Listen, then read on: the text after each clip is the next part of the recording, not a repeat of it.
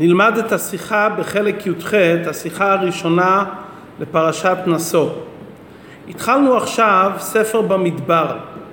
ספר במדבר מתחיל עם מניין הפקודים, ולאחר מכן, בסיום פרשת במדבר, הקדוש ברוך הוא מצווה למשה רבינו לפקוד את משפחות קהת. כלומר, בשבט לוי יש לנו משפחת הכהונה ומשפחת הלוויה, הלוויים. הקדוש ברוך הוא אומר למשה רבינו פקוד את בני לוי לבית אבותם מבין חודש ומעלה. כלומר יש מניין מיוחד לבני לוי מלבד המניין הכללי לעם ישראל. בסיום פרשת במדבר נאמר וידבר השם אל משה ולאהרון לאמור נשוא את ראש בני קהת מתוך בני לוי למשפחותם לבית אבותם מבין שלושים שנה ומעלה ועד בן חמישים שנה כל בא לצבא לעשות מלאכה באוהל מועד. כלומר יש את מניין בני ישראל הכללי שזה פרשת במדבר יש את מניין בני לוי מבין חודש ומעלה, ומתוך בני לוי אומרת התורה נשוא את ראש בני קהת, משפחה מתוך שבט לוי, ובהם גופה מאיזה גיל? אלו שהם מבין שלושים ועד בין חמישים, כל בעל הצבא לעשות מלאכה באוהל מועד. כלומר הגיל הזה מבין שלושים ועד בין חמישים זה היה גילאים שהיו עובדים במשכן באופן מיוחד. והתורה מפרטת מה הייתה עבודת קהת ביחס לעבודת הכהנים. הכהנים שהמחנה נשא היו מכסים את ארון העדות, מכסים את השולחן, מכסים את המזבח הזהב, שמים את זה בתוך כיסויים מתכלת כפי שהתורה מפרטת ולאחר מכן באים משפחת קהת והם אלו שנושאים את הכלים הללו על הכתף. שזה המצווה לבני קהת לשאת את אותם כלי הקודש ובמיוחד את ארון הקודש לשאת אותו במדבר מתחנה לתחנה, ממסע למסע, הם נושאים את זה על הכתף. תחילת פרשתנו פרשת נשוא, וידבר השם על משה לאמור, נשוא את ראש בני גרשון גם הם לבית אבותם למשפחותם, מבין שלושים שנה ומעלה ועד בין חמישים שנה. תפקוד אותם כל הבא לצוות צבא לעבוד עבודה באוהל מועד. לא רק את בני קהת תמנה מבין שלושים ועד בני חמישים, תמנה גם את משפחת גרשון מבני קהת. מהי עבודתם? ונשאו את יריעות המשכן, יריעות המשכן, מה שכיסו את המשכן, כמה וכמה יריות, למדנו בפרשת תרומה, יריות עיזים, יריות אילים מהדמים, יריות חשים. מי יישא את אותם יריעות בתחנות במדבר ממקום, למק... ממקום למקום, זה מוטל על משפחת גרשון.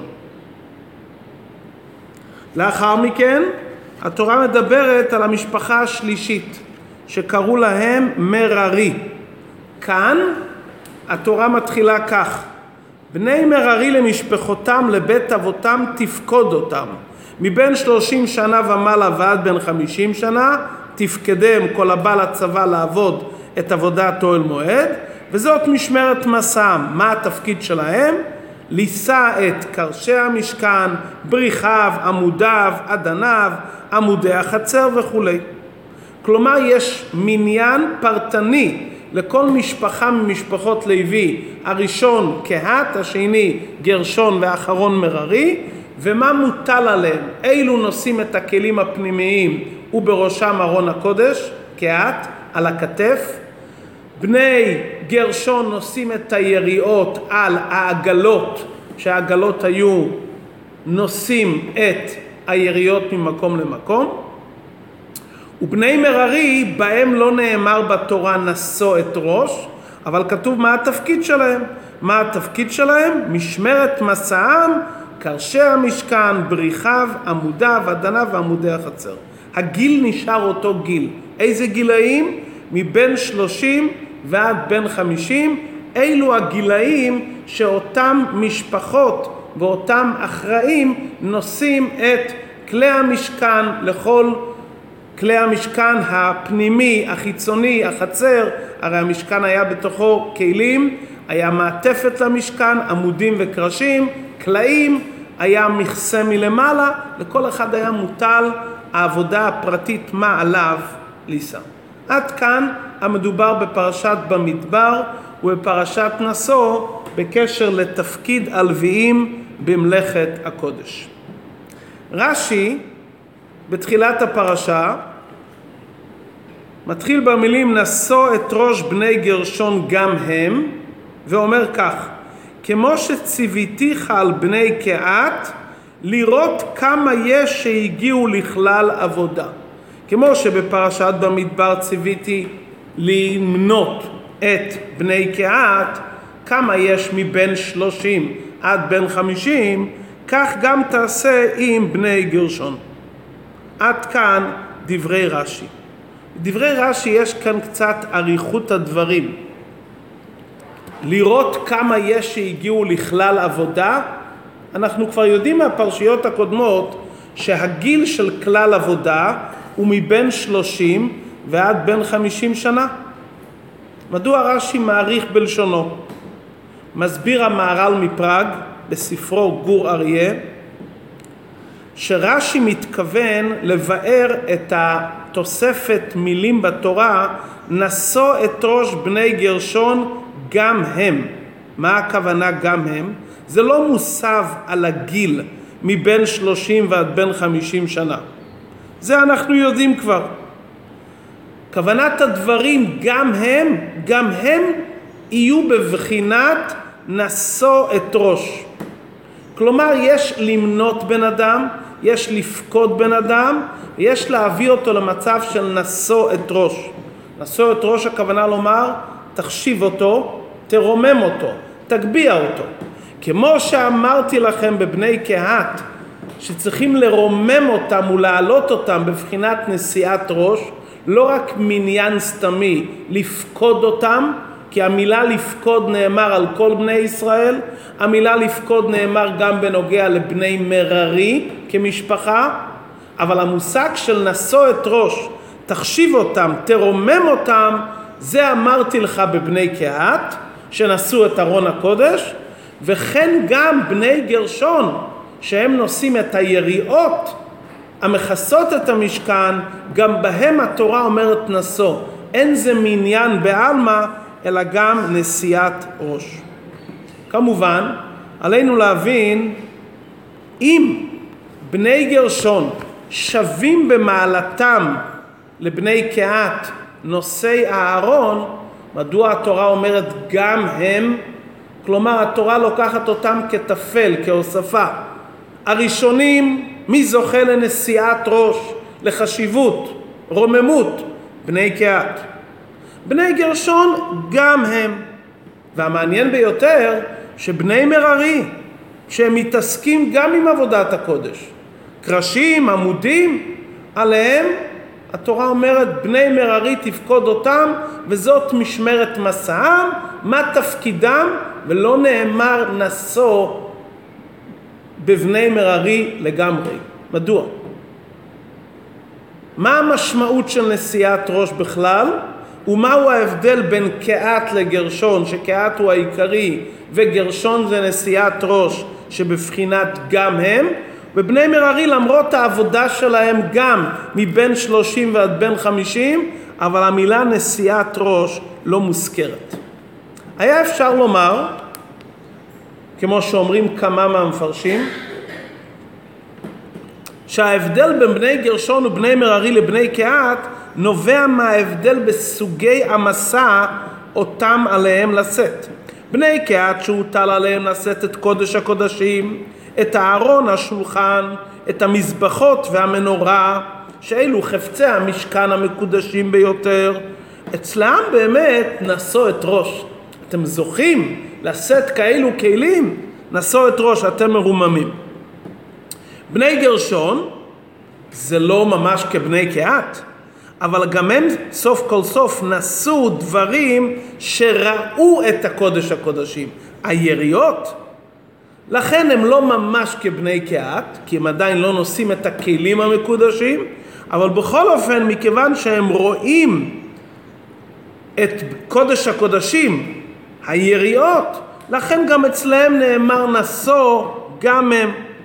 אבל בני מררי שלהם לא היה שום מסע עם כלי שרואה את קודש הקודשים, כי הם הרי נשאו בעיקר את הקרשים המקיפים את חצר המשכן, הרי היה לנו את העזרה ויש חצר המשכן שסובב. ובני מררי הוטלה עליהם העבודה של עמודי החצר, קרשי המשכן החיצוני, לכן הם עושים עבודה מיוחדת, אבל אי אפשר לומר עליהם נשוא את ראש, מכיוון שהכלים שהם נושאים אינם מקודשים לא כגרשון ועל אחת כמה וכמה לא כקהת. ההסבר הזה מתאים ממה שנלמד לקמן בפרשת בעלותך שנצטווינו להניף את בני לוי אז יש הנפה של בני קהת ראשונים כעבודת קודש הקודשים עליהם, לאחר מכן הנפה נוספת לבני גרשון, שגם עליהם נאמר עבודת הקודש, והנפה השלישית שהניפו את בני מררי. זה הסבר יפה, וכן אומרים כמה מהמפרשים, אבל לומר שזה ההסבר כאן בדברי רש"י, קשה לומר. ראשית כל, צריכים לומר שרש"י מסתמך על דבר שנדע בעתיד. ובעיקר, כשאנחנו קוראים כאן את הפרשה, רש"י אומר, וזה לשונו, מנע מהם את הראויים לעבודת מסע. תמנע את אלו שהם בעלי כוח שיכולים להרים מסעות. פחות מבני שלושים לא נתמלא כוחו. יותר מבן חמישים כוחו מכחיש. רש"י לגמרי לא מזכיר את קדושת הכלים. רש"י מתייחס לנאמר בתורה בפשטות, שמדובר פה אילו האנשים שיכולים להרים מסעות. חוזרת הקושייה למקומה, אם כן, הרי כולם נסעו וכולם לקחו חלק, גם מררי, גם גרשון וגם קהת. ומדוע התורה מבדילה ביניהם באומרה גם הם, ובבני מררי התורה לגמרי לא מזכירה את נשיאת הראש. מזה אנחנו מבינים שיש כאן איזה עניין מיוחד שקשור דווקא עם קהת וגרשון נסמך וטפל אליו, ויש מניין כללי של הלוויים של כל בני הלוויים מבין שלושים ועד בין חמישים. עלינו להבין את ההבדל. מדוע? פירוש הדברים כך: התורה מדברת כאן על הזכות הנפלאה בכוח הפיזי שלך לשאת את כלי המקדש המתאימים לעבודת מסע. כפי שאמרנו, אצל בני גרשון נאמר זאת עבודת משפחות הגרשוני לעבוד ולמסע. כלומר בני גרשון לא רק שנסעו, היה אצלהם עוד עבודה נוספת מלבד המסע. בני מררי הם היו בעיקר ממונים, אבל הם לא נשאו בכתף. אם כן, מי זכה לשאת בכתף ורק בכתף את הכלים בני קהת. כלומר, הם עם הכוח הפיזי שלהם, עם הגוף שלהם, שהיו בעלי כוח, זכו בגופם לשאת את הדברים. בני מררי, הקיצוניים לצד השני, נשאו את הדברים לעגלות, אבל הם על הכתף לא היו צריכים לשאת. הם היו ממונים שה... קרשים יגיעו לעגלות שנושאים את הקרשים. כלומר, הם בגופם לכשעצמם לא מוטל עליהם העבודה הפיזית להרים את הדברים. גרשון זה משהו ממוצע באמצע. מצד אחד הם שמו את הדברים על העגלות, אבל הם נשאו את היריות גם על הכתף עד שהגיעו לעגלות. וכאן ההבדל בין קהת גרשון ומררי. אצל בני קהת התורה אומרת אלה מסע בני קהת. בני קהת פשוט נושאים על הכתף וכל עניינם לשאת על הכתף. אם כן, נשאו את בני קהת. יש להם חשיבות מיוחדת שהם זוכים לשאת בכתף. בני גרשון, גם לעבוד וגם למסע. ולכן אי אפשר לומר שהם כל כך מנוסעים. לא מרוממים אותם כל כך, כי הם נשאו לא רק על כתפם, אלא גם בעגלות. בני מררי, הם בכלל לא היו חייבים לשאת על הכתף. הם היו צריכים להיות ממונים שהדברים יגיעו לעגלות. אם כן, למה מנו את בני מררי? אם בני מררי רק היו אחראים להביא את הקרשים לעגלות, כי להביא את הקרשים לעגלות היה פה בכל אופן איזו עבודה מסוימת. לקחת את הקרשים ולשים אותם בעגלות. ויכול להיות שלפעמים העגלות היו מלאים והיו צריכים לשאת גם משהו על הכתף. אבל באופן עקרוני התפקיד של בני מררי היה רק להביא את הקרשים לעגלה. לכן אי אפשר לומר בהם נשוא את ראש. החשיבות נגזרת מזה שאתה בעל כוח ואתה זוכה בגופך לשאת את כלי המקדש. מה בדיוק ההבדל בין גרשון למררי? הרי בשניהם אנחנו אומרים שהם הביאו את הכלים לעגלות. כפי שנלמד בפרשת נשוא, היה עגלות, שעם העגלות האלו שמו את הקרשים ואת היריות, מלבד הכלים וכלי הקודש שנשאו אותם על הכתף בני קהת, שלכן להם מגיע באמת נשיאת ראש וחשיבות מיוחדת. איך הלך התהליך של פירוק המשכן? בהתחלה בני גרשון היו פורקים את כלי החצר. כלי החצר זה היה כמין חבלים שכלו מעמוד לעמוד בחצר. לאחר מכן פירקו את היריעות והטעינו אותם על העגלות. כשהם סיימו לעשות את העבודה, ניגשו בני מררי לפרק את העמודים של החצר ואת הקרשי המשכן ולהטעין אותם על העגלות. יוצא שמתי שבני גרשון הורידו את היריעות מעל הגג, עדיין עמודי החצר עמדו על מקומם. מה עשו בני גרשון? נשאו את היריעות בכתף מחצר המשכן ועד מחוץ לחצר לשים את זה בעגלות. כי כל זמן שעמודי החצר עמדו, העגלות לא יכלו להיכנס בפנים. והעמודים זה מוטל על בני מררי. באים בני גרשון, מורידים את היריות, צריכים לעלות לגובה, להוריד לאט לאט את היריות ולשאת אותם מתוך, הז, מתוך המשכן לחצר והחוצה. ולאחר מכן נשים אותם על העגלות. בדרך שהלכו במסעות, מי נשא את הדברים הללו? העגלות. אבל לקחת את הדברים מתוך המשכן, וחצר המשכן היה מקום גדול, לשאת את זה מחוץ לחצר המשכן, זה עשו בני גרשון על הכתף. בני מררי לאידך, אחרי שכבר לקחו את היריעות מלמעלה, הגיעו בני מררי עם העגלות עד הקרשים, כי הם פירקו כבר את עמודי החצר, יכלו להביא את העגלות ולקרב אותם עד הקרשים. אז מהי העבודה של בני מררי? לפרק את הקרשים ולשים יד על העגלות. אז כמה היה מוטל עליהם על הכתף? כמעט כלום. לקחת את הקרשים ומיד לשים על העגלות. לבני גרשון לא היה את האפשרות הזו, כי עדיין העמודים היו סוגרים את החצר. כי העמודים זה עבודה המוטלת על בני מררי. יוצא עם כך שיש כאן מצב ביניים. הם גם נסעו על הכתף, ובדרך במסע זה היה בעגלות. כעת, גם במסעות. הלכו ימים, הלכו שעות, כלי הקודש, קודש הקודשים, המנורה, הכל עליהם בכתף, לעולם לא על העגלה. לפי זה הדברים מובנים היטב, מי זה נשיאת ראש בעיקר, כעת, מי זה גרשון ממוצע בין הכתף לעגלה, חלק הם נושאים על הכתף, ובני מררי שהעבודה שלהם הייתה לשים את הקרשים בתוך העגלות והם קירבו את העגלות עד הקרשים כי הם כבר פירקו לחלוטין את המשכן. בכל זאת בבני גרשון נאמר לעבוד ולמסע, כי בני גרשון היו צריכים בכל אופן גם לפרק, לטעון, לפרוק ולטעון זה גם עבודה מסוימת, אבל עדיין זה לא כזו עבודה כמו לשאת על הכתף. בני גרשון גם נסעו, אבל גם עבדו עבודה יותר פשוטה ויותר קלה לפרוק את הכלים.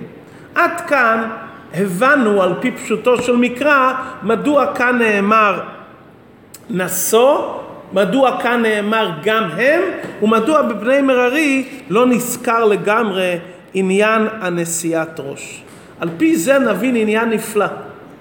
בהמשך הפרשה נאמר כל הבא, כל הפקודים אשר פקד משה מבין שלושים ועד בין חמישים שנה, כל הבא לעבוד עבודת עבודה ועבודת מסע באוהל מועד.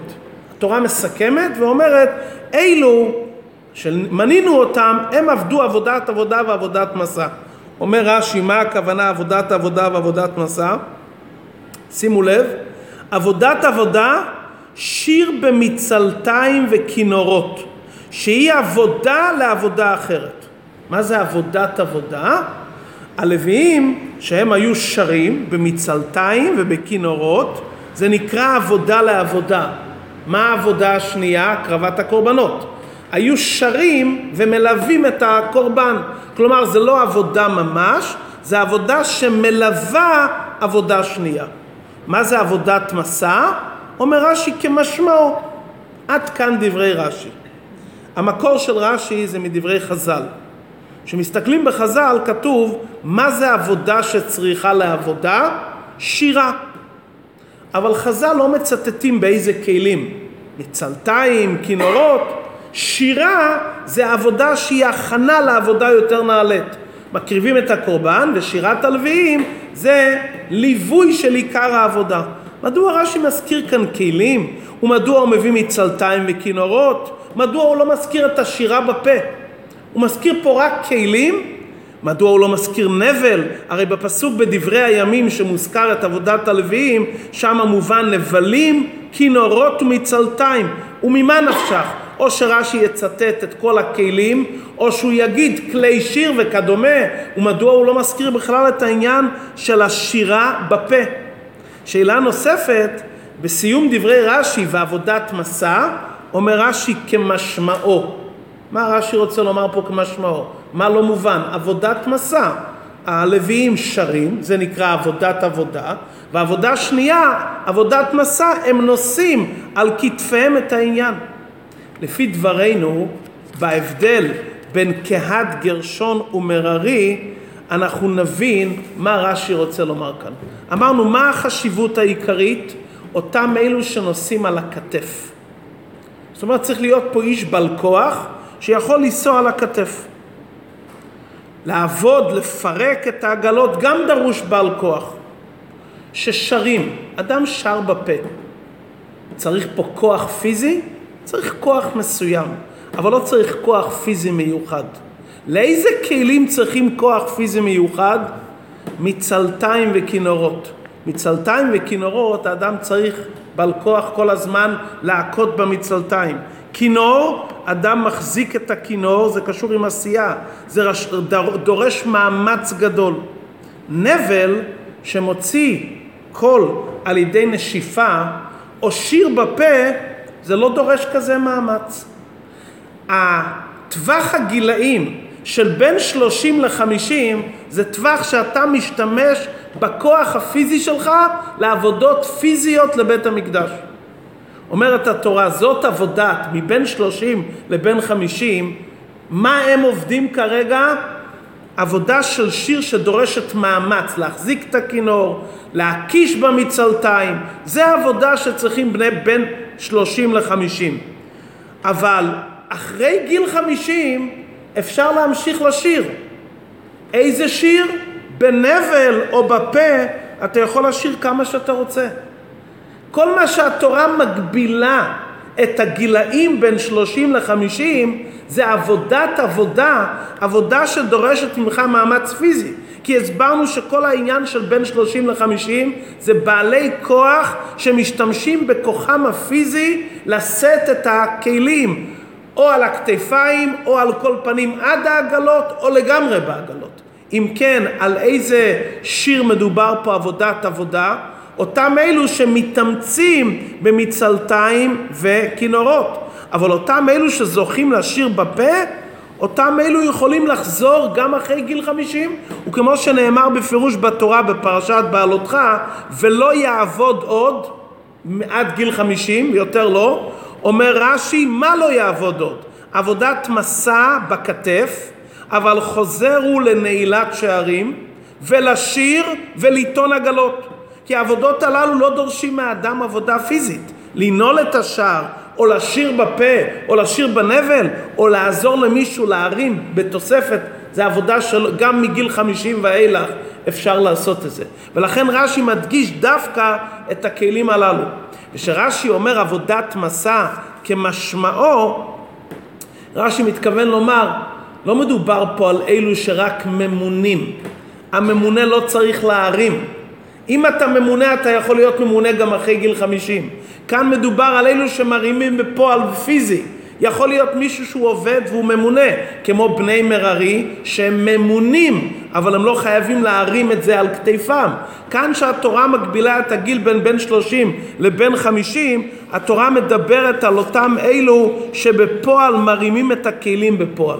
יצא לפי זה דבר נפלא, שלוי אחרי גיל 50 יכול לחזיר, לחזור ולשיר, רק לא בכלי שדורש ממנו מאמץ פיזי. זה עד גיל חמישים, ולכאורה גם בבית המקדש לוויים מעל גיל חמישים ואילך יכלו להמשיך את עבודת השירה גם בכלים, רק לא בכלים שדורשים מאמץ כמצלתיים וכינורות, אבל כלים כנבל וכדומה או שירה בפה, בוודאי שיכלו גם הלוויים מגיל חמישים ואילך להמשיך את השירה. מה זה אומר לנו בפנימיות העניין? מה ההבדל בין גוף האדם לעגלות. יש לאדם נשמה וגוף. אמרנו שקהת זה הכל על הכתף, גרשון זה ממוצע, גם כתף וגם עגלות, ובני מררי זה רק, עלות, רק עגלות. אדמו"ר הזקן מסביר בליקוטי תורה השבוע שהעניין של נשיאת ראש זה הליכה בלי גבול. בני קהת ובני גרשון זוכים ללכת בלי גבול, בני מררי הם עומדים. אפשר לומר שבני מררי לא הולכים בקודש? רק קהת וגרשון? הרי כל המטרה של ההליכה במדבר זה לגרום הליכה אצל עם ישראל. אלא כוונת הדברים בפנימיות הדברים כך. הגוף מסמל את הנשמה בעצמה, והעגלה שאיתה נושאים את הכלים זה מרמז על הגוף. יש הליכה בלי גבול של הנפש הבעמית, יש הליכה גם של הנפש האלוקית, ויש מישהו שקשור רק עם הנפש האלוקית. בעיקר בזכות מה הנשמה זוכה להליכה בעולם הזה? בזכות הנפש הבעמית. נפש הבעמית שורשה מעולם התוהו. באורות דתוהו יש כוחות נפלאים. עיקר ההליכה נעשית בעיקר בעקבות הנפש הבעמית. אבל המטרה היא, אחריך נרוצה. שגם הנפש האלוקית תרוץ בבלי גבול בזכות הנפש הבעמית ששורשה מתוהו. ולאחר מכן מגיעים לשלב ששורש הנפש האלוקית מתגלית ואז זה עבודה של נפש האלוקית לבד. השתמשנו בנפש הבעמית, עכשיו נפש האלוקית לבד. בני מררי משמרת מסעם. אמרנו שהם נושאים את הדברים רק על העגלות. מה הכוונה מבחינה רוחנית? אצלם ההילוך הוא רק בנפש הבעמית. רק העגלות. רק הנפש הבעמית מתבררת. זה לא פעל אצלם על הנפש האלוקית. בני גרשון התחילו עם העגלות, התחילו עם העבודה עם הנפש הבעמית, אבל זה גרם גם לנפש האלוקית עלייה. כי הם גם נשאו על הכתף, לא רק הנפש הבעמית. בני קהת זה בבחינת אביאני המלך חדריו. זה הנפש האלוקית בעצמה במקום שאין לה שום שייכות לנפש הבעמית. לכן עיקר עניינם זה תורה. זה מזכיר לנו את הפסוק, מושכני אחריך נרוצה הביאני המלך חדריו. מושכני, מי מושך אותי? הנפש הבעמית. כי היא רצה, היא מעולם התוהו. זה היו בני מררי, התעסקו רק עם העבודה של העגלות. הגוף הוא כעגלה למסע העיקרי שזה הנשמה. בני גרשון שילבו, היה גם מה שמצד הגוף אבל גם מצד הנשמה, אחריך נרוצה, המרוצה היא גם בנפש האלוקית, לא רק בעגלות אלא גם בכתף. ובני קהת, שהכל היה בכתף, זה מרמז על השורש האמיתי של הנפש האלוקית במקום שהנפש האלוקית לא שייכת לנפש הבמית. המקום הקדוש שרק הנפש האלוקית נמצאת. זה ההבדל בין קהת גרשון ומרמז.